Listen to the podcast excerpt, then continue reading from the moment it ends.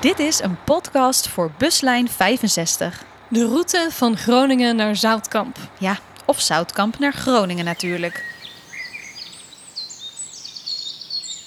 De hippies van Abelstok. Ken je die ene plek? Het bos van Abelstok?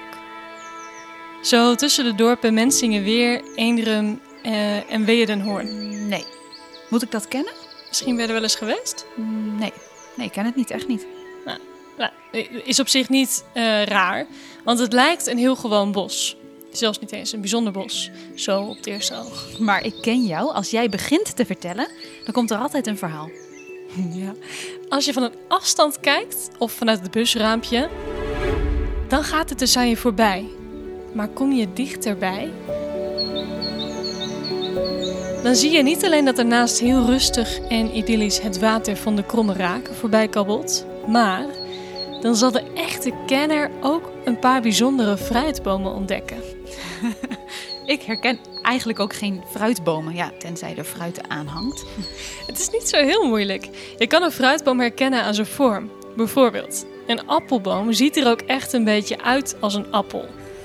en een perenboom is dus ook echt iets langgerekter. Ja, ja, nee, dat, nee, Marjolein.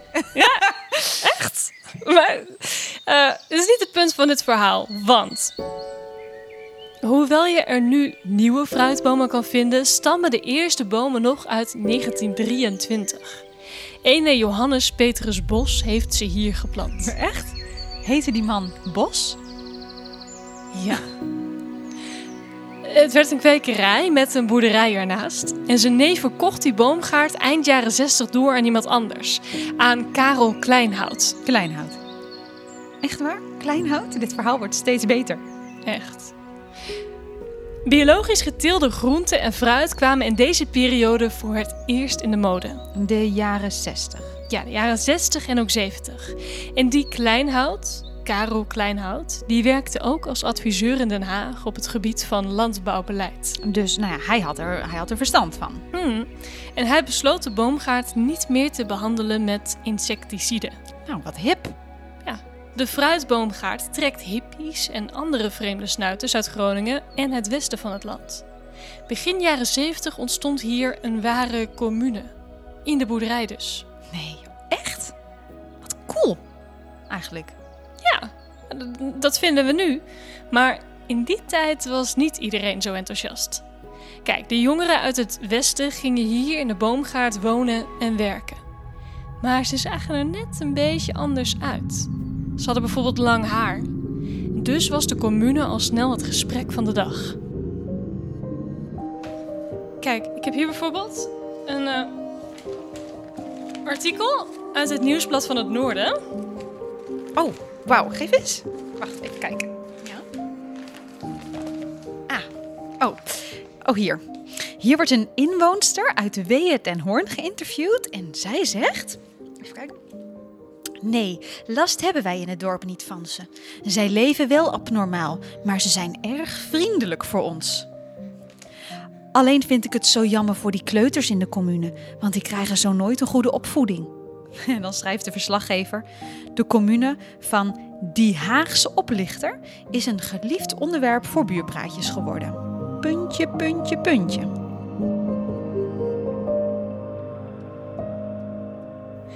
De commune nam, toen de eigenaar niet veel aanwezig was, de boerderij en de boomgaard een beetje over. Een foto laat een jonge vrouw zien die met wijde kleren en een sjaal om haar hoofd de was doet.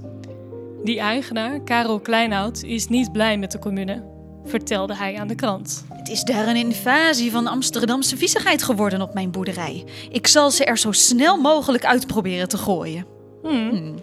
En dat gebeurde uiteindelijk ook. De burgemeester moest er nog aan te pas komen, maar uiteindelijk verklaarde de gemeente de boerderij onbewoonbaar. En zo werd, eind jaren 70, de commune eruit gezet. De Haagse eigenaar regelde nu iemand anders om voor het land te zorgen en ongewilde bezoekers eruit te gooien. Hij regelde een beheerder. Hm, En nou ja, wat was dat dan voor iemand? Ja, wel een bijzonder figuur. Ehm, het was een wat oudere man die sliep in een caravan in de boomgaard. Hij had een jachtvergunning en een geweer. En daardoor kreeg hij het imago van een heel enge man die iedereen neerschoot die in de buurt kwam. Oeh, spannend. Ja, dat is nog niet alles. De beheerder stond een keer op de stoep bij een dame met een opgezette reeënkop onder zijn arm als cadeau. En eh, die boerderij, bestaat die dan nu nog steeds? Nee, de boerderij is afgebrand. De eigenaar gaf het landgoed aan Stichting Het Groninger Landschap, waarmee de boomgaard een natuurgebied werd. Er werden stukken bos bijgeplant en de boomgaard raakte helemaal in verval.